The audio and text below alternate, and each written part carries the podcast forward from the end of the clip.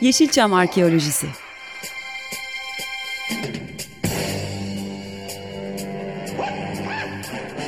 Türk sineması ve Yeşilçam'ın besin kaynakları, emekçileri ve kıyıda köşede kalmış hikayeleri.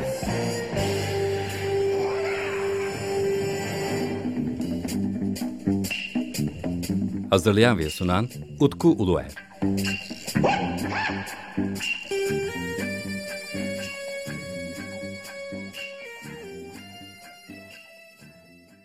Merhaba değerli Açık Radyo dinleyicileri. Yepyeni bir Yeşilçam Arkeolojisi'nde daha sizlerle birlikteyiz. Bu haftaki değerli konuğum Eriş Akman. Efendim tekrardan hoş geldiniz programımıza. Hoş bulduk. Ee, Açık Radyo dinleyicilerine de mutlu bir e, dinleme dilerim. Efendim biz Eriş Bey'le bu söyleşimizi Zoom üzerinden yapıyoruz ve kayıt altına alıyoruz. E, yaptığımız görüşmeyi daha sonra çeşitli bölümlere bölerek ilerliyoruz. Daha önceden 8 tane bölüm çekmişiz. Yani daha doğrusu wow. yaptığımız görüşmelerden 8 tane bölüm çıkmış. Bayağı çıkmış. İyi. Sevindim. Sizinle yaptığımız görüşmeler o kadar hani laf lafa açıyora dönüşmüş ki benim 3-4 tane program yapacağımızı düşünürken geldiğimiz nokta artık sizinle 10-12 program gibi bir seri haline gelsin diye düşünmeye başladım. Dizi, dizi haline geldi yani. Sizinle yaptığım görüşmelerin toplam saati yani 8 program e, onların 25 dakikalık olduğunu düşünürsek hani orada bir e, yine 3 saate yakın bir kayıt var gibi gözüküyor ama asıl kayıt 6 saatin üzerinde. Sizin hani toparlamayı düşündüğüm bu bölümlerinde ben yaklaşık herhalde yine bir buçuk saatlik, 2 saatlik kayıt olacağını düşünüyorum. E, bugünkü programda da zaten daha önceki programlarımızı derleyeceğiz sizinle. E, hem de birazcık da dokunmadığımız konular var. Bir de tabii sizinle e, epey bir zaman oldu. Üzerinden sanırım bir e, 4 ay geçti en son kaydımız. Evet galiba öyle bir şey oldu. Hatta 5 ay da olmuş olabilir. E, tabii e, zaman hızla akıp geçiyor. E, tabii bu arada e, dinleyicilerimize hani sizin sağlık durumunuzla da ilgili bir durum oluştuğundan dolayı tekrardan geçmiş olsun diyorum size. Çok teşekkür ederim. Sağ olun, var olun. Ben arkadaşlarıma hani Yeşilçam'la ilgili özellikle Türk sinemasının belli dönemleriyle ilgili ve yurt dışına satışıyla ilgili referans arıyorlarsa e, bizim programı dinlemelerini öneriyorum. Bizim filmlerin yurt dışına satılmadığını, hiçbir filmin yurt dışında alıcı bulmadığını düşünüyorum. Çok genel kanı bu aslında. E bir de siz Arzu Film içinde de uzun bir süre yer almışsınız ve daha sonra hem Arzu Film hem Gülgen Film, burada tabii ismini unuttum başka şirketler de var. Onların da yurt dışında satışlarını yapmışsınız. E, filmlerin satışlarını gerçekleştirmişsiniz. Bu tabii verdiğimiz ara e, dönemde bazı paylaşımlar gördüm ben de sosyal medyada. Genellikle insanlarda hala e, Kılıç Aslan filmi ile ilgili bazı soru işaretleri var ve ben devamlı bizim programa referans olarak verdim. Fakat bir şekilde e, Kılıç Aslan filmi internete yüklenmiş ve inter- internete yüklenmiş olan versiyonunun yanına da Lion Man, Turkish Lion Man yazmışlar ve ben hemen altına bunun doğru olmadığını söyledim. Kılıç Aslan'ın başka film olduğunu, Lion Man'in farklı olduğunu söyledim. Bir de, bir de Lion Man olarak yüklenmiş internete. İngilizce dublaj değil, Türkçe dublaj olması gerekiyor. Kimse sizinle ilişkilendirmiyor filme.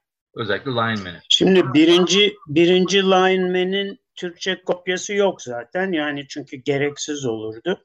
Evet. Sadece İngilizce dublajlı kopyası var. O zaman o gerçekten kılıç adam, şey pardon, kılıç aslan üzerinden gitmiş ve yanlış olarak e, sürülüyor piyasaya. Doğru mu? E, aslında e, daha önce de söylediğim gibi hikayenin başlangıcı Kılıç Arslan oldu. Fakat Kılıç Arslan'ın hikaye açısından ve senaryo açısından zayıf olması sebebiyle biz e, kalkıp bir de avantür yani 1970'li yıllarda avantür dediğimiz action filmler çok satıyordu dünyanın her tarafında. Hala da öyle yani bugün de aksiyon filmleri en çok satan filmlerdir. Ve o yüzden de e, aksiyon sahneleri çok azdı Kılıç Arslan'da. Yani hepsini birden fragmana koymuşlar. Biz fragmanı seyredince vay be dedik ama ne yazık ki öyle çıkmadı. Yani geri kalan kısım çok saçma. E, tabii ne olur senariste alınmasın ama yani e, çok şişirilmiş geldi bize. Onun için tekrar e, yani Steven Sloan yani prodüktör olarak görünen Aslan Adam'da o bana dedi ki yani sen senaristsin. Yeniden bir senaryo yaz. Bu adamın ben 7 tane 8 tane filmini seyrettim. Fragmanını seyrettim. Hepsinde hemen hemen aynı kostümü giyiyor. Yani sen dedi bunu şey yap. Fakat tabii bir şeyi hesaba katamadık. O pençeler bölümü yani elleri asitle yandıktan sonra şeye dönmek zorunda kaldık. Kılıç Arslan'a daha fazla dönmek zorunda kaldık. Onun için Kılıç Arslan'la karıştırılıyor. Hı, anladım. Sizinle tekrardan başlayacağım için 3 program öncesi bizim ilk yaptığımız programı yeniden yayınlamıştık Açık Radyo'da. Ee, geçen programda ise e, teknik bir e, sorundan dolayı e, programı yayına veremedik ve orada devam olarak yine sizinle yaptığımız söyleşi yayınladık. Yani burada bunu bu programı ilk bölümü yayına hazırladığım zaman zaten sizinle yaptığımız daha önceki görüşmeleri de tekrar yayınladıktan sonraki bir devam olacak. Fakat şunu fark ettim insanlar hala Kılıç Aslan onun İngilizce Turkish Lion diyor. Bu kesinlikle doğru değil. Lion Man'i çok ayrı bir film olarak almak daha doğru. Tabii yani senaryosu farklı. İçinde 8 tane filmden sahneler var. Yani tamam yani Kılıç Arslan'dan çünkü biz hikayeye şöyle başladık. Yani aslanların büyüttüğü bir çocuk olarak başladığımız için o sahneler hep o aslanlarla olan sahneler falan Kılıç Arslan'dan alınma. Ee, ama e, avant, bilhassa avantür sahneler yani kavga sahnelerinin çoğu diğer filmlerden. Bir de tabii araya şey hikayeyi bağlayabilmek için bir takım bölümler soktuk.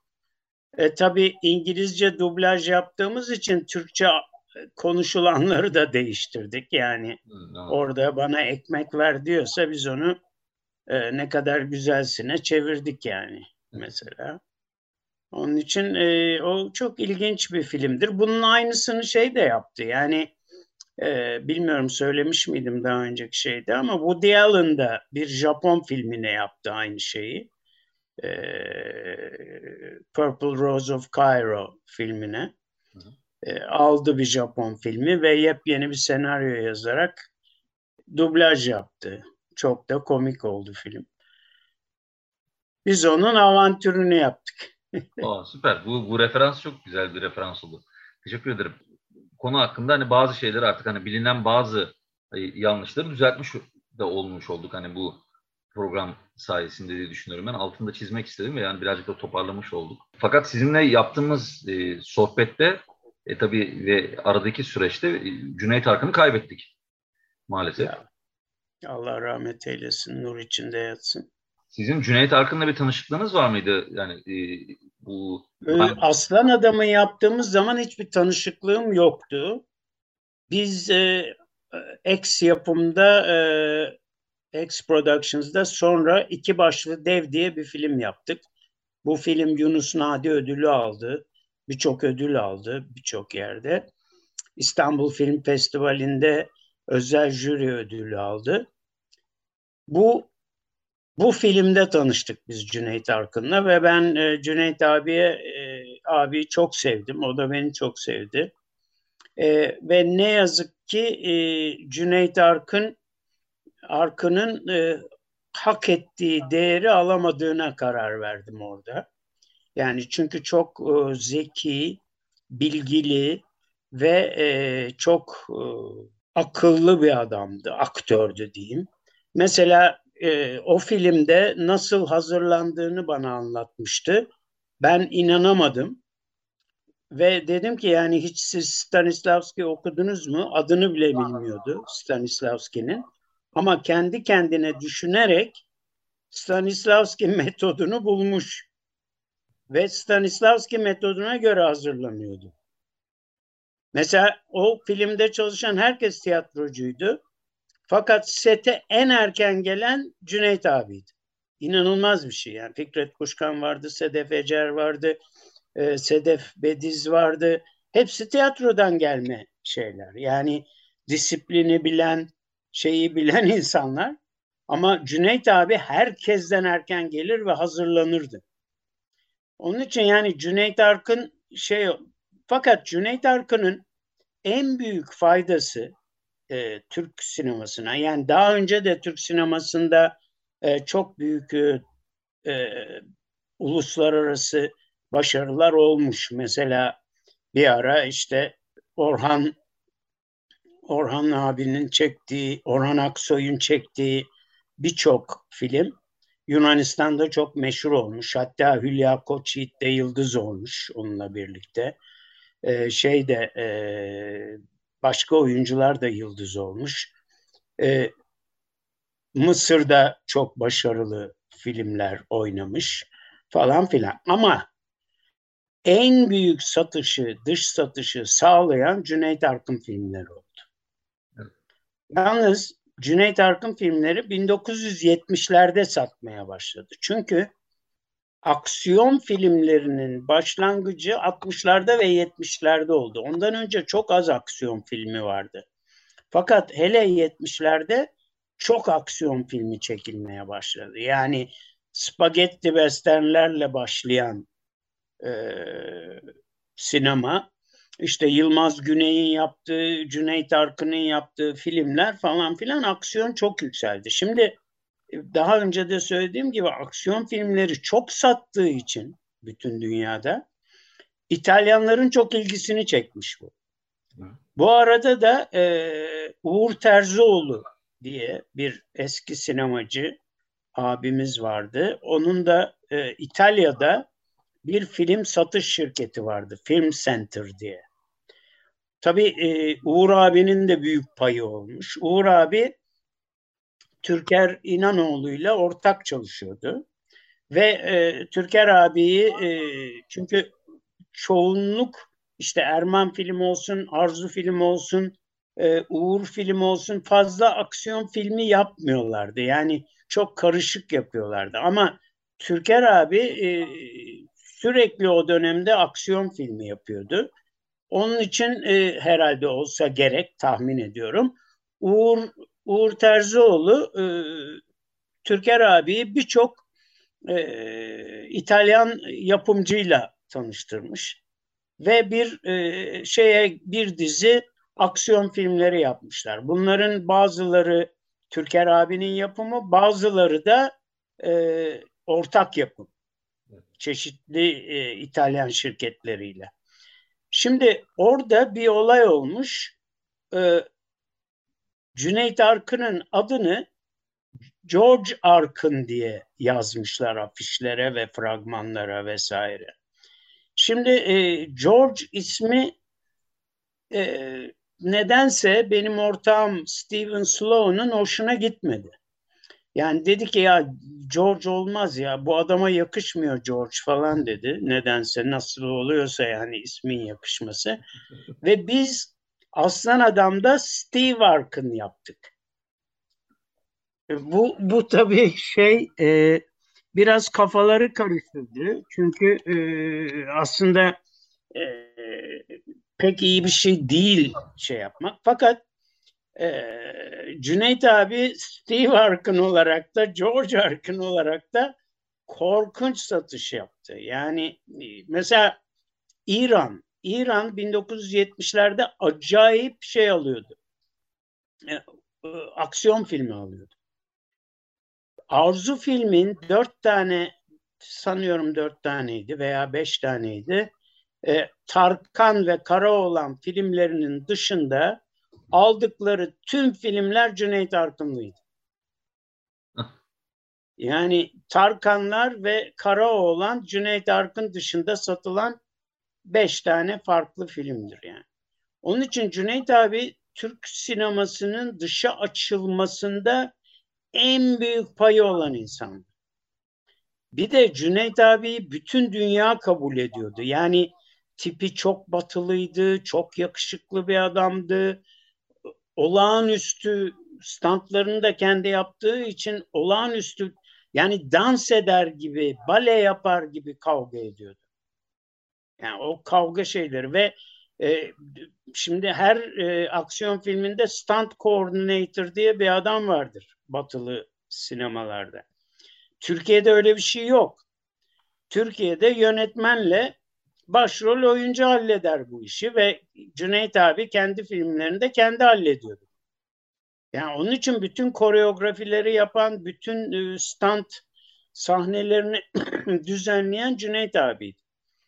E, ve e, tabii bu büyük bir başarı. Yani bunu yapan dünyada başka bir e, sinemacı yok. Tabii sizinle yaptığımız görüşmelerde işte Lineman'in yurt dışında en fazla satmış olan film olduğunu kayıda geçmemiz gerektiğini söylüyoruz ama şu andaki genelde insanların bildiği dünyayı kurtaran adam aslında hani yurt dışında en fazla satmış ama bence Lineman daha fazla bir başarı ortaya koymuş gibi gözüküyor. O bilgi Valla dünyayı kurtaran adamın o kadar sattığını ben sanmıyorum açıkçası. Hiçbir bilgim yok tabii kim sattı bilmiyorum ama e, satanı bulmak lazım o İngilizce şeyi almak. yapılmadığı için satıldığını ben çok düşünmüyorum zaten dünyaya fazla. Yok satılmış olabilir çünkü o da bir kült oldu yani. Tabii, tabii. E, Ama Boğaziçi oldu. video Amerika'da sanırım altyazıyla ama altyazı tam düzgün değil. Yani insanların anlayarak izlediği film büyük ihtimalle şeydir, Lineman'dir. Fakat şu gerçeği değiştirmiyor. İki filmde de Cüneyt Arkın var. Tabii tabii tabii. Yani şimdi şöyle bir olay var. Yani dünyayı kurtaran adamla e, şeyin arasındaki fark şu bir de yani e, sosyal olarak da fark şu. E, aslan adamlar her ikisi de e, belli bir yaşa kadar çocukların 13 yaşa kadar çocukların hayranlıkla izledikleri filmler oldu. 13 yaş üstü ise biraz böyle tongue in cheek derler İngilizce'de. Yani e, komik bularak izledikleri film gibi. Yani e, gerçi tabii her zaman e, büyükler arasında da 13 yaşındaki beyinli insanlar vardır. Texas Tom Mix okur yani ben hatırlıyorum ben küçükken vapurda 40 yaşındaki adam Texas Tom Mix okurdu vapurda yani. Aa ne Böyle... yaptınız? Ben de Texas Tom okuyorum hala. tabii tabii. Yani öyle insanlar da var. Ben de okuyorum. Ben hala komikse bayılırım yani. Ama yani şey şunu anlatmaya çalışıyorum. Çoğunluk 13 yaş üstü yani ergenlerin çoğunluğu e, komik olarak bakıyordu şeye. Evet. Ama çocuklar çok çok ciddiye alıyordu. Yani ben sonra Avustralya'dan falan mektuplar aldım. Yani benim çocukluğum Aslan Adam seyrederek geçti falan filan gibi. Benim bir arkadaşım var diplomat, e, emekli büyükelçi Uğur Ergun. Onun iki oğlu Evre ve Devrim. E, ben e, onlara hediye etmiştim Aslan Adam 2'yi. Her gün günde dört kere falan seyrediyorlarmış Uğur'un bana söylediğine göre.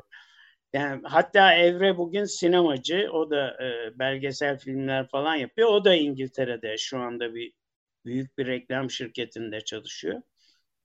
Yani söylemek istediğim şu, dünyaya düşen adam onu yapamadı. Dünyaya düşen adama sadece komik diye bakıldı. Yani bir... Dünyayı kurtaran adam. Dünyayı kurtaran adam. Dünyayı kurtaran adam pardon. Bir de dünyaya düşen adam var tabii, galiba tabii. değil mi? David Bowie oynadı galiba onda sanırım. The Man Who Fell on Earth mı öyle bir film, dizi mi var, film mi var öyle var, bir şey var. O da 80. E tabii yani Dünyayı Kurtaran Adam filmi sonuçta kültleşmesinin ana sebebi e, Star Wars'tan ödünç alınan görseller oldu birazcık.